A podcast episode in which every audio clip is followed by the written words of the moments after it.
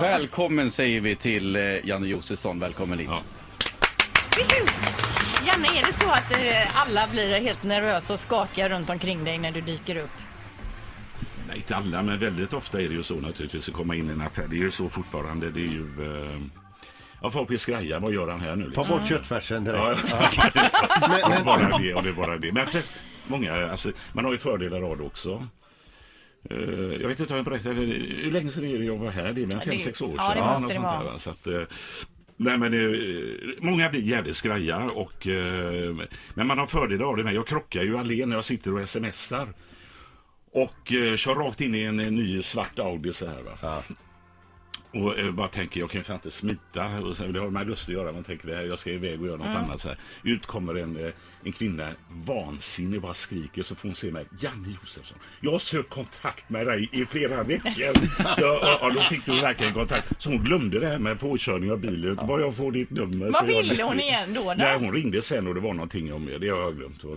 men, du, alltså, men, men det här med skrajsenheten, är inte det liksom både, både ett gissel och, och du säger att det, det, Ja. det, det, är kul ibland men ibland vill man ju bara få vad som, vem som helst Ja, ja. utan att folk får stora skälvan bara för att man dyker Ja, upp. ja, ja, jag skulle rekonditionera bilen liksom och, och eh, då hade vi gjort om eh, utnyttjande av eh, flyktingar och sånt där. Va? Och det stod eh, 1198 och sånt där, en vår här nu för en tid sedan. Torgtorpsstaden tror jag det var. Och ja, men jag kör in där och rekonditionerar ju så jävla gott. Och, så där. och det stod en tant innan där och hon fick sin bil rekonditionerad och han tittade på mig hela tiden. Och så säger han Jag så har min bil rekonditionerad. Nej, nej, nej, vi har ingen rekonditionering. Absolut inte. Så här. Men snälla du, jag bryr mig inte om vad du gör. Han går ut eh, och, och ställer sig på en trappa och tar ner skylten för. Så här. Och jag bara står där. Men jag, lägg av, jag vill ha bilen rekonditionerad. Jag Han lägger- jobbar inte nu. och så såg man några kosovoalbaner springa åt helvete där. Och, så där, och jag, jag sa till honom, jag är här privat, jag skiter vad du håller på med, jag vill ha bilen rekonditionerad. Men han stängde igen hela eh, tappen och verkstaden. Eh, och i 14 dagar var den stängd, sen öppnade han igen. Och han tittar också på vilken av dina skjortknappar som var en kamera också. Ja, det gjorde han säkert. Men alltså det är ju SVTs Uppdrag granskning. ja, ja. Hur länge har du jobbat med Uppdrag granskning? Sen starten från och till, sen hoppat av eh, och gjort andra program. Men vi eh, har väl hållit på sen, eh, innan dess var jag på ett program som heter Striptease som var föregångare då. Och det var, låg ju i Stockholm, det här ligger i Göteborg då. Och eh, så det var 12-13 år sedan. Men känner du under alla de här åren och alla de här granskningarna Mm. att det är någon granskning där du har gått lite för hårt åt någon som du har dåligt samvete i efterhand? Eh, ja, jo det, det, det finns absolut. Eh, det grövsta var nog eh, eh, när jag gör om... Eh, det handlar om Dana Carr som startade Original Gangster som jag har träffat genom åren.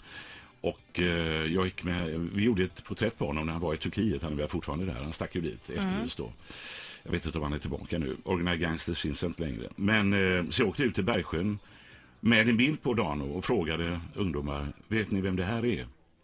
Det ligger på Youtube. Går du in på Bergsjön så ligger det en halv miljon klick där. Och eh, de här killarna var 14-15 år, det var en del tjejer också. Och eh, de såg ju honom som hjälte. Så jag tyckte, eh, där, där har du å ena sidan, det var en viktig historia. Och jag pratade med de här killarna, var 14-15 år då, föräldrarna. Men de fattade nog inte vidden. Och eh, sen hände det grejer med de killarna som, eh, jag borde aldrig ha sett. Va? Det hände grejer. Inte så jävligt som jag hörde först för jag blev ju aldrig, fick ju information om att de låg på Sahlgrenska nedbankade. Men eh, verkligheten var värre än vad jag kunde tro. Och jag, jag hade inte de kod, jag trodde jag kunde koderna förut, jag kunde inte det.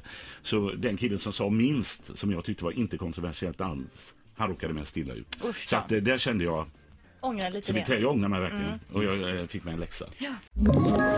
Ett poddtips från Podplay. I fallen jag aldrig glömmer djupdyker Hasse Aro i arbetet bakom några av Sveriges mest uppseendeväckande brottsutredningar. Går vi in med hemlig telefonavlyssning och, och då upplever vi att vi får en total förändring av hans beteende. Vad är det som händer nu? Vem är det som läcker?